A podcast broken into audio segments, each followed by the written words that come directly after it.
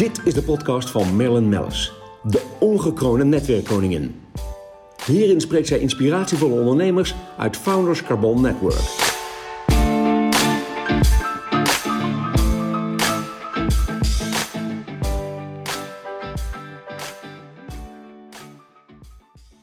Deze podcast wordt mede mogelijk gemaakt door Euromate. Ik heb vandaag nou, een van mijn leukste podcasts, weet ik nu al, van 2023. Met jou, Erik-Jan uh, Ginjaar. Je bent CEO uh, Postillon Hotels Nederland. Maar je bent ook al, ik ben denk bijna tien jaar FCN-lid. Dus heel dierbaar voor ons. Ook dat je aanschuift. En hoe gezellig, want wat hebben we veel te bespreken? En wat is er een hoop gebeurd? En wat gaat er een hoop uh, gebeuren? Ja, het is superleuk om hier weer te zijn. En het is inderdaad acht jaar geleden. Ik zag je naar de foto, Merlin, van de reis waar het allemaal mee begonnen is. De reis naar, uh, naar Beijing en Hongkong. We stonden op de Chinese muur samen. Exact. Ja, exact. daar hebben wij onze eerste stenen ja, gelegd ja, samen. Zo ja, moet het maar zien. Maar wat was dat leuk inderdaad. En ook uh, heel lucratief. Want uiteindelijk heb je daar ook prachtige verbindingen kunnen maken... Uh, inderdaad voor de markt, voor congressen. Maar wij gaan er natuurlijk zo meteen uitgebreid over praten. Want daar is ook een hoop mee gebeurd. Want ik zie die Chinezen nog niet 1, 2, 3 hierheen komen meer. Um, we, hebben eigenlijk zoveel onderwerpen uh, om te bespreken. En het eerste wat eigenlijk in mijn hoofd opkomt is... Um, want je bent ook heel actief op LinkedIn. Erik Jan Ginjaar natuurlijk. Ja, dan, dan zie je um, bijvoorbeeld wat je voor de arbeidsmarkt betekent. En ik zag daar heel leuk ook een linkje naar... Uh, jongens, hebben jullie studieschulden? Kom bij ons, wij hebben de oplossing. Vertel daar even iets over. Want de luisteraar die, ja, die moet jou nu even leren kennen in een, in een nutshell. Ja, ik zal het heel snel vertellen. En het is eigenlijk wel een aardig verhaal. Ik vind eigenlijk dat de horeca of hospitality in zijn algemeenheid gewoon stokoude arbeidsvoorwaarden heeft. En het moment dat ik me dat realiseerde, dacht ik, ja, ik kan zelf wel iets nieuws gaan bedenken, maar dat heeft natuurlijk helemaal geen zin. Dus de hotelschool Maastricht faciliteert afstudeeropdrachten voor de echte vierdejaars uh, studenten. Ik heb hen gebeld en gevraagd: zouden jullie een opdracht kunnen geven aan vijf studenten die dan twintig weken nadenken over een antwoord? En uh, de vraag was: hoe kunnen wij onze arbeidsvoorwaarden nou een beetje moderniseren? Dus een beetje afstoffen, weer wat leuker maken. leuke vraag. Wat heel ja, actueel is natuurlijk. Zeker precies. deze gespannen arbeidsmarkt. Ja, en ja. Het, het, raakt hun ook, hè, want ja. zij, gaan dan, zij zijn de werknemer van de toekomst. En de grap was: ze moeten dan tussentijds aan zo'n bedrijf rapporteren. En nog voordat dit rapport klaar was en voordat überhaupt docenten hadden kunnen kijken, hadden ze bij ons gelanceerd: je zou die studieschuld moeten gaan aflossen. En dat vond Briljant. ik zo, zo precies. Ja. Het ergste was dat ik dacht: een paar scheldwoorden ik niet zal halen. Dit had ik eigenlijk zelf wel kunnen bedenken. Ja. En um, toen hadden zij heel, uh, uh, en daar, daar zit dan vaak de scheidslijn tussen student en bedrijfsleven, hadden zij natuurlijk heel netjes een, een hele uh, rapport geschreven over hoe het onder de WKR zou kunnen vallen. Maar dat wilde ik allemaal niet, want dat risico is veel te groot. Um, dus wat wij gedaan hebben, is we hebben gezegd: we lossen 2,50 euro netto per gewerkt uur af. Dus wij bruteren die 2,50 per medewerker. Het is gekoppeld aan je gewerkte uren. Dus wij keren niet uit als je niet werkt. Dus als je ziek bent of als je op vakantie bent, dan geldt deze regeling niet. En we maken het rechtstreeks over een duo. Dat is natuurlijk heel belangrijk. Dus ja. het, is geen, het is geen verkapte salarisverhoging. Het geld gaat echt rechtstreeks naar de duo. En dat doen we onder vermelding van je BSN-nummer. En het mooie is, het kan ook nooit misgaan op deze manier. Want Duo uh, betaalt het geld gewoon weer terug als studieschuld is afgelost. Ja. Inmiddels hebben we daar meer dan 30 medewerkers mee geworven met studieschuld. We horen het ook terug van mensen die geen studieschuld hebben, omdat ze het blijkbaar toch ook een hele belangrijke reden vinden om toch voor ons te komen werken. Ja. Het spreekt aan bij de jeugd, maar het probleem is heel groot. Ik had er laatst met ING en ABN een, af, een gesprek over. Ja, want hoe, hoe groot ik, is het? Nou, van deze 35 mensen zit dus 70% met een studieschuld van meer dan 75.000 euro. En dat is heel hoog. En meer dan een ton is geen uitzondering. Nee. Het is echt waanzinnig hoog. Ja. Schrikbarend. Ik ben ervoor geschrokken, want toen ik afstudeerde... en als ik het nou zeg, besef ik dat ik dus heel oud word... Uh, toen ging ik naar huis met een studieschuld van 18.000 euro. En ik werd bij mijn dispuut al uitgelachen van... nou, dit is echt belachelijk groot. Ja. En uh, uh, de waanzinnig, wat heb jij gedaan? Heb je alleen maar gedronken? Um, maar toen was het nog echt tegen 0% en telde het niet mee voor je hypotheek. Laat ja. staan dat je nu rente moet betalen. En dat die schuld meegenomen wordt in de afweging van of, hoeveel je kan lenen. Dat is natuurlijk echt een groot probleem. Dus het is verschrikkelijk leuk om dat op deze manier te doen. En wij hebben deze regeling dus nog ingevoerd... nog voordat dat rapport überhaupt klaar ja, geweldig. was. Maar zie je trouwens ook dat andere branches dit ook oppikken? Ja, nou toevallig heb ik... Um, in, nou ben ik de branche even verschuldigd... maar RTL Nieuws heeft uh, vorige week vrijdag een item gebracht... Waarbij er een, een eh, bedrijf in een totaal andere branche en nu medewerkers eh, lokt. Door te zeggen, als je bij ons komt werken, lossen we 15.000 euro van je studieschuld af. Dus Ja. niet per uur, maar gewoon een vast Ik bedrag. kan me ook überhaupt voorstellen dat heel veel mensen hebben ook gewoon schulden. Dat die ook geholpen willen worden. Ja, zeker. zeker. Nou, het, het, het nadeel van gewoon schulden is... het ligt op een ander dat is, fiscaal... en, dat is, en dat is lastig, want Ja. eh, kijk, hier is de staat bij betrokken. Wat wij overigens... eh, Even side note, wat wij ook gedaan hebben... is, en toevallig had Missie Horeca daar op 6 januari een artikel over... Het is natuurlijk een enorm groot probleem, mensen met schulden op dit moment. En dat heeft ook te maken met de energieprijzen, al de, de, de, toestand in de wereld. En we hebben in november vorig jaar, we hebben binnen onze directie gezegd... wat gaan we daar nou mee doen? Want inmiddels heeft meer dan 10% van onze mensen heeft een, een lopend loonbeslag. Dat is natuurlijk gigantisch hoog. Ja. Wat ik nooit geweten heb, is dat een loonbeslag alleen al 13.000 euro kost... voor werkgever en de staat om dat allemaal af te wikkelen. Dus als je dat kunt voorkomen, scheelt natuurlijk veel geld. Ja. Dus we hebben nu inmiddels een schuldenloket geopend. Dus we hebben iemand in de arm genomen, extern, die onafhankelijk van ons werkt. Waar wij in overleg met de OR eh, iedereen die een eh, loonbeslag bij ons krijgt, omdat we dat, hè, dat moet, wordt bij ons aangeboden. Ja. Dus stel eh, dat mijn naam daartussen zou zitten, dan wordt mijn naam automatisch aan deze dame doorgegeven. En die dame heeft dan de verplichting om mij te bellen en een intake met mij te doen. Eh, dan komt ze bij mij thuis, zodat we daarmee eigenlijk meteen al kunnen zien hoe erg is het eigenlijk. Hè? Want als je bij iemand thuis komt, zie je, Ja. is, is eigenlijk het gas afgesloten? Hoe, hoe Ja. ziet het er? Hè? En zij maakt een plan van aanpak. Wij nemen de schulden niet over, maar alle uren die deze mevrouw besteedt aan de medewerker in kwestie betalen wij. Om op die manier te voorkomen dat deze medewerker eh dieper in de verder schuld, zakt. nog, Ja. nog verder zakt. Want eh, wist jij, Merlin, als jij afhankelijk bent van toeslagen in Nederland, zodra er een loonbeslag wordt gelegd, vervallen al jouw toeslagen.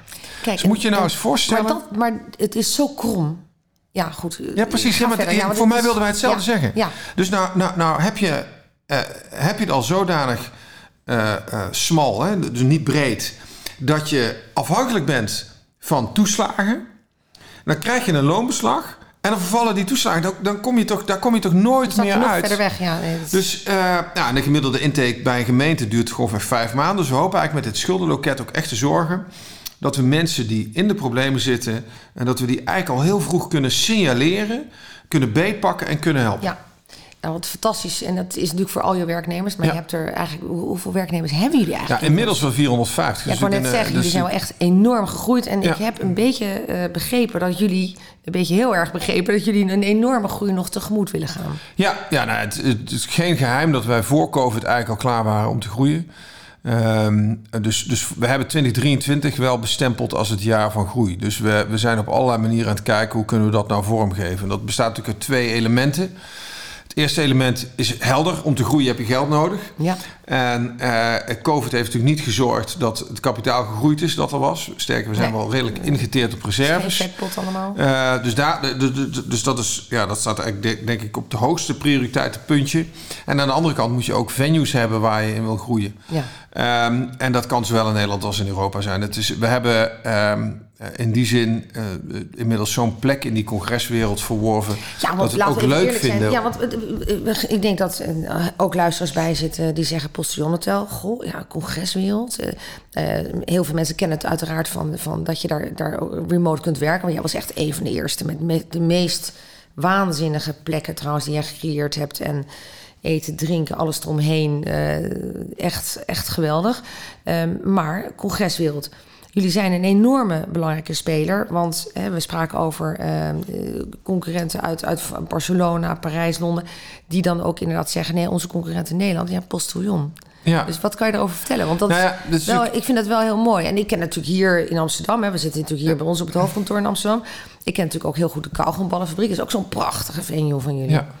Nou, wat heel grappig is, is dat we eigenlijk, als je het over naam bekendheid van Postillon hebt, hebben, hebben eigenlijk twee eh, verhalen te vertellen. Want de, het, het verhaal in Nederland is toch dat ik nog steeds mensen tegenkom, ondanks dat we er zoveel werk aan eh, voor doen. Die zeggen, postillon, dat is toch eh, raar. Dat zijn toch die snelweglocaties waar eh, al jaren niks meer aan gedaan is. Ja, maar de koets eh, is al lang verdwenen uit, het, eh, uit het precies. beeld. Ja, ja, leuk. En, Ja. en aan de andere kant hebben we onze, onze naam in het buitenland... Waar, waar natuurlijk heel duidelijk geen last is van een oude naam... waar nog met een J geschreven werd, inderdaad die postko- postkoets. ja. Dus ehm, in het buitenland hebben we daar maar geen last van. Sterker, daar, daar, daar staan we er goed op. We hebben ehm, een breed netwerk waar, waar we veel samenwerken. Niet voor niets dat we groot voorstander zijn van bijvoorbeeld de Holland Congresalliantie, waar een aantal grote partijen in Nederland samenwerken om Nederland als congresdestinatie nog Nou, nog meer op de kaart te zetten. Ja, want, want we hebben wel heel veel te bieden. Ja, Want, ja goed, ja, ik, ik vertel. Want ik, ik zit alleen naar de stad Amsterdam te, te kijken. Nou ja, dat is natuurlijk, de, de grap is natuurlijk dat het veel verder gaat dan de stad Amsterdam. En dat ehm, Schiphol, eh, daar, daar gaat het eigenlijk om. Schiphol is zo'n fantastische plek met zoveel internationale verbindingen. Dat dat is eigenlijk de, een van de belangrijkste krachten achter Nederland als congresdestinatie. Dat eh, zo'n chaos op Schiphol, ja, dat volg ik wel met, met, Ja, met- met, met- met, met, met nervositeit. ja. En ik moet daar toch regelmatig wat over uitleggen. Dat is, vorige week had ik een, eh, een, eh, een buyer uit Frankrijk over voor een congres in Rotterdam.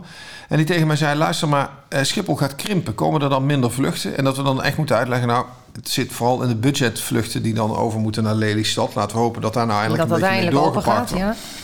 Ja. Maar het zit echt niet in de internationale Ja, maar het vluchten. feit dat wij, want we staan echt slecht op de kaart.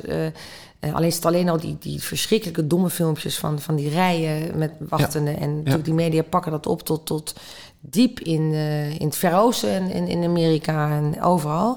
Ehm, maar het, het is ook zorgelijk inderdaad. En je moet het dan zelf uitleggen. En dat is natuurlijk iets wat, wat niet moet. Ik bedoel, wij, maar Nee. we zijn denk ik... ehm, daar vind ik de regering wel eh, zijn verantwoording niet voor pakken. Eh, We zijn zo slecht in het nog op de juiste manier promoten van Nederland, maar ook de aanpak zo te doen dat het op een duidelijke manier naar buiten eh, komt wat wij werkelijk allemaal te bieden hebben. Nou, dat niet alleen. Het is, we moeten niet vergeten dat een internationale congresgast. ehm, en dan heb ik het dus echt over, over mensen die hier komen congresseren voor twee of drie dagen. Die is wat waard. Die laten ruim 800 euro eh, achter per dag. Inclusief weliswaar vlucht en hotel.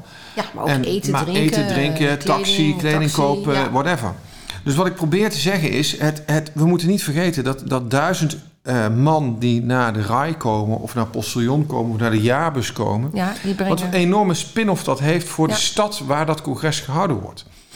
En ik ben het met iedereen eens die zegt: luister eens even, de stad moet leefbaar blijven. Dat, dat meteen. En of dat nou Amsterdam, Rotterdam, Den Haag, Utrecht. Ja.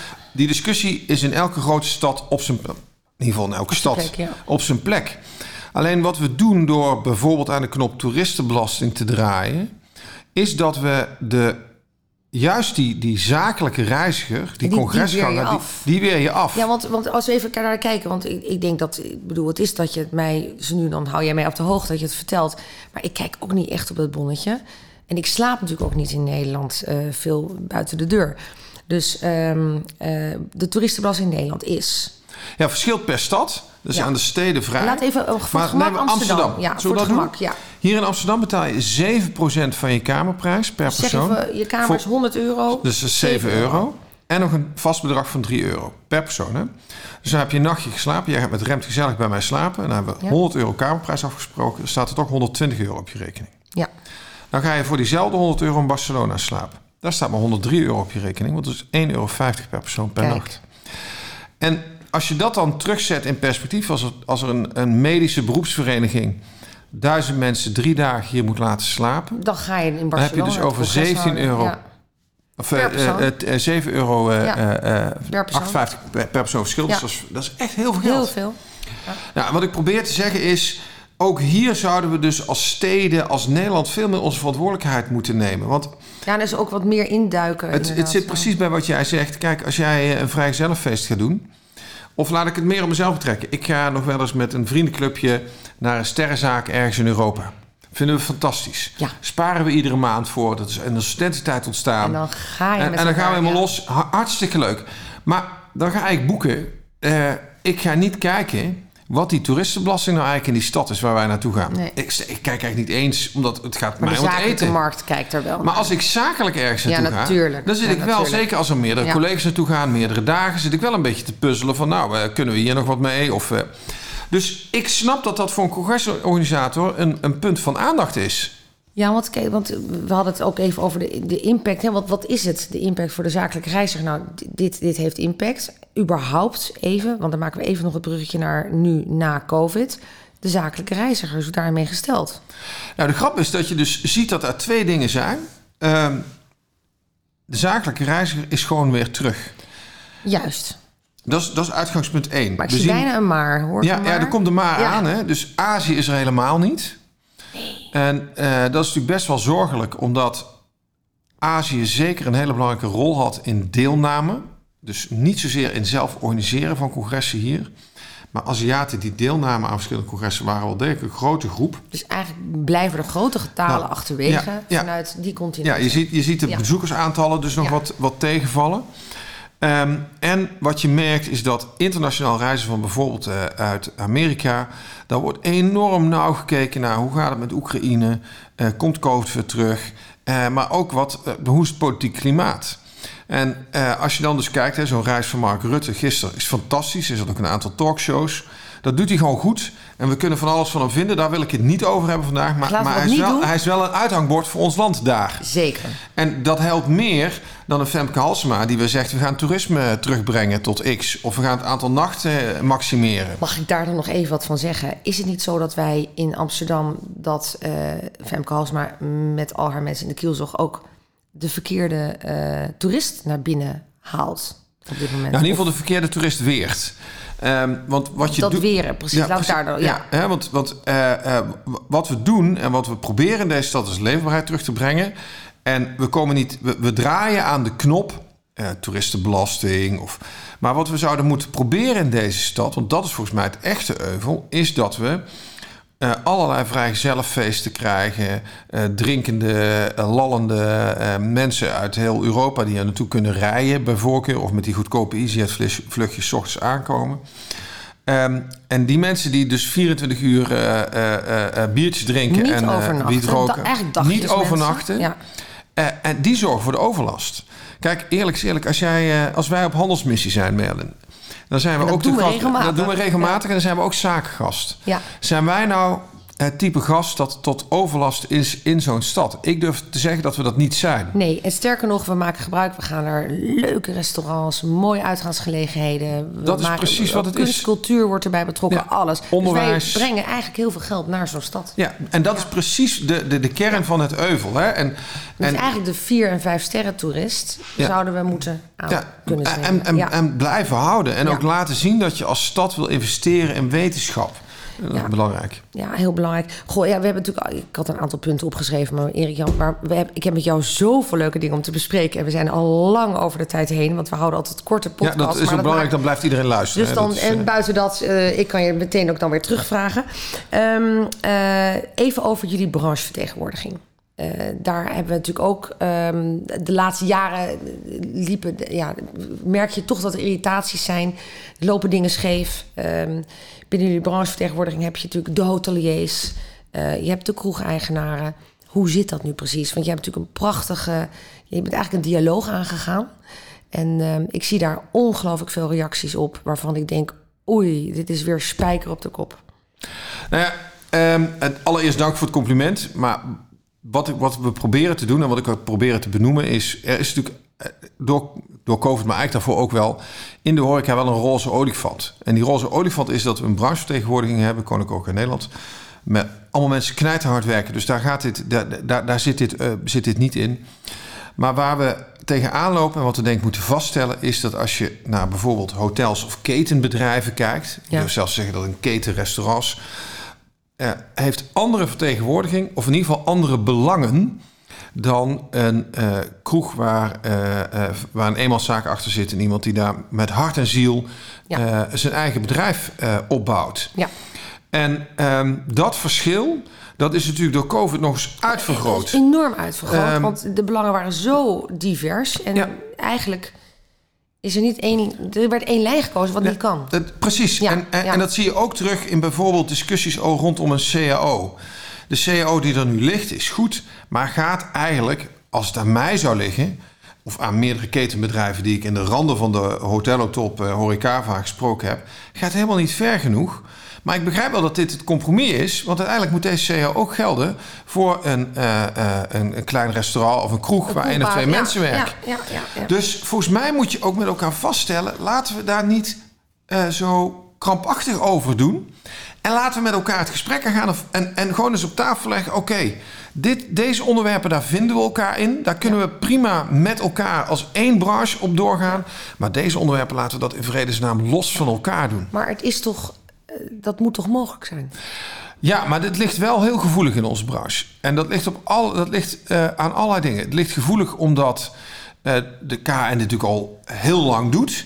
Het ligt gevoelig omdat het ook jaren zo is geweest. En ik voel dat daar, ik merk dat daar een, ke- een kentering is. Ik heb vijf, zes jaar geleden met een aantal hoteliers zelf een geprobeerd de CAO te maken. Los van de KN.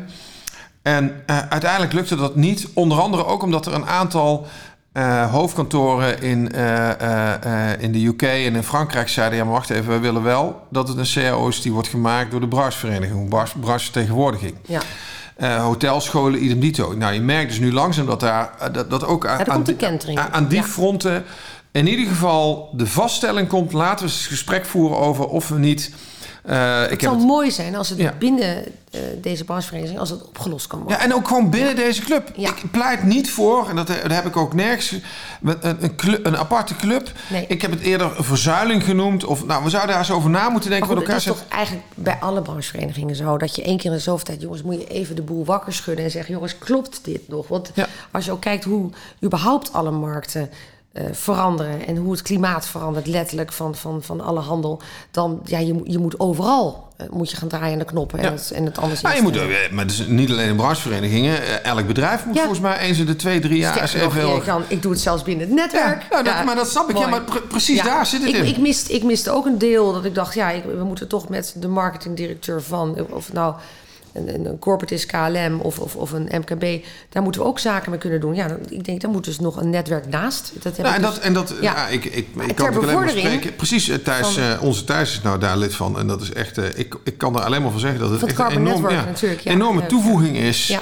Eh, eh, dus dat, ja, ik begrijp dat. En jezelf opnieuw uitvinden, dat, dat zou je niet eng moeten vinden. En ik heb toch de indruk dat als het over de branchevertegenwoordiging gaat, dat, dat, we, dat het opnieuw uitvinden nu een beetje spannend is. dat mag. Dat is natuurlijk ook spannend, omdat misschien, ik, ik, weet het eigenlijk niet, zitten die mensen daar al heel lang hè, op een bepaalde positie? En of, Dat weet ik niet. Ik weet denk, het niet, eh, nee. weet ik niet. Ik, kijk, ik begrijp ook dat als je kijkt naar gewoon hoe zo'n ledensamenstelling is, in aantal zijn natuurlijk veel meer eh, individuele bedrijven lid dan ketenbedrijven. Dat snap ik. En ik maar snap dan dus ook. even een andere vraag. Hè? Want mag, mag ik zo vrij zijn om te zeggen, wie betaalt wat? Want je, je moet ook je bijdrage leveren aan Ja. branchevereniging. Ja. In hoeverre, eh, ligt, waar ligt dan het zwaartepunt? Want ik begrijp eigenlijk dat hotelketens toch wel een behoorlijke bijdrage Nou ja, wij betalen serieus geld. Eh, dat, dat, we zijn niet klaar met 1000 euro. Eh, Nou, dus- ook niet het veel, veel, veelvoudige. Nee, nee, zeker niet. Zeker Nee. niet. En dat is, ja, we hebben ook grote bedrijven, grote omvang. Ja, eh, ja, dus dat is allemaal. En eh, daar krijg je ook weer wat van terug. Hè. Dus ik, voordat dadelijk eh, de, de telefoongader zegt eh, dat, dat zou ik niet willen. Nee, wat ik eigenlijk alleen maar, Maar- wil zeggen is dat... maar de dat verhouding tussen wat ik betaal en wat een individuele, eh, eh, individueel eh, eh, Wat ook eh, klopt. betaalt, wat, ook klopt, Ja, ehm, is, eh, eh, eh, is bijzonder groot, dat verschil. Eh, en dat is, begrijp ik. Ja, maar dus het is, dat, dat wil ik eigenlijk alleen maar zeggen. Het is niet zo dat, het, dat de hotels maar een klein onderdeeltje is. Nee, dit is wel degelijk een zeer belangrijk onderdeel. weten we natuurlijk ook allemaal. Van deze Ja, branchevereniging. ja absoluut. Ben ik ben helemaal met je Dus nou goed, Ja. we hebben de horecava net achter de Ja. rug. Ja. En de, de hotel op. En de Independent Hotel Show komt eraan. Ehm, dus dat is fijn. Die, komt, die, die gaat ook gewoon weer door. Ja, het vak van ontmoeten, dat is terug van weg geweest. Hè? Ja. En dat is heerlijk. Het was ook wel echt genieten, Ja. als ik heel eerlijk ben. Nou, Precies. ik vond deze ontmoeting ook weer Ja. heerlijk. Eh, laten we de podcast afsluiten met ehm, hopelijk dan eh, de toezegging... dat wij eh, eind Q2 weer eens even bij elkaar zitten. En dan eh, hoop ik dat ik, dat ik met jou kan delen wat, Ja. wat uitkomt van onze snode plannen. Ja, en dat zijn eh, behoorlijke snode plannen, mag ik wel zeggen. Ik, Precies. eh, ik ben helemaal trots erop. Fantastisch, dankjewel voor je komst. En ik heb weer genoten. En Dankjewel, ik denk de luisteraars ook. Wij zijn Tot beluisterd, te beluisteren op Spotify ehm, en Soundcloud. Dus dat is nog eventjes als extra informatie om mee te geven. Deze podcast werd mede mogelijk gemaakt door Euromate.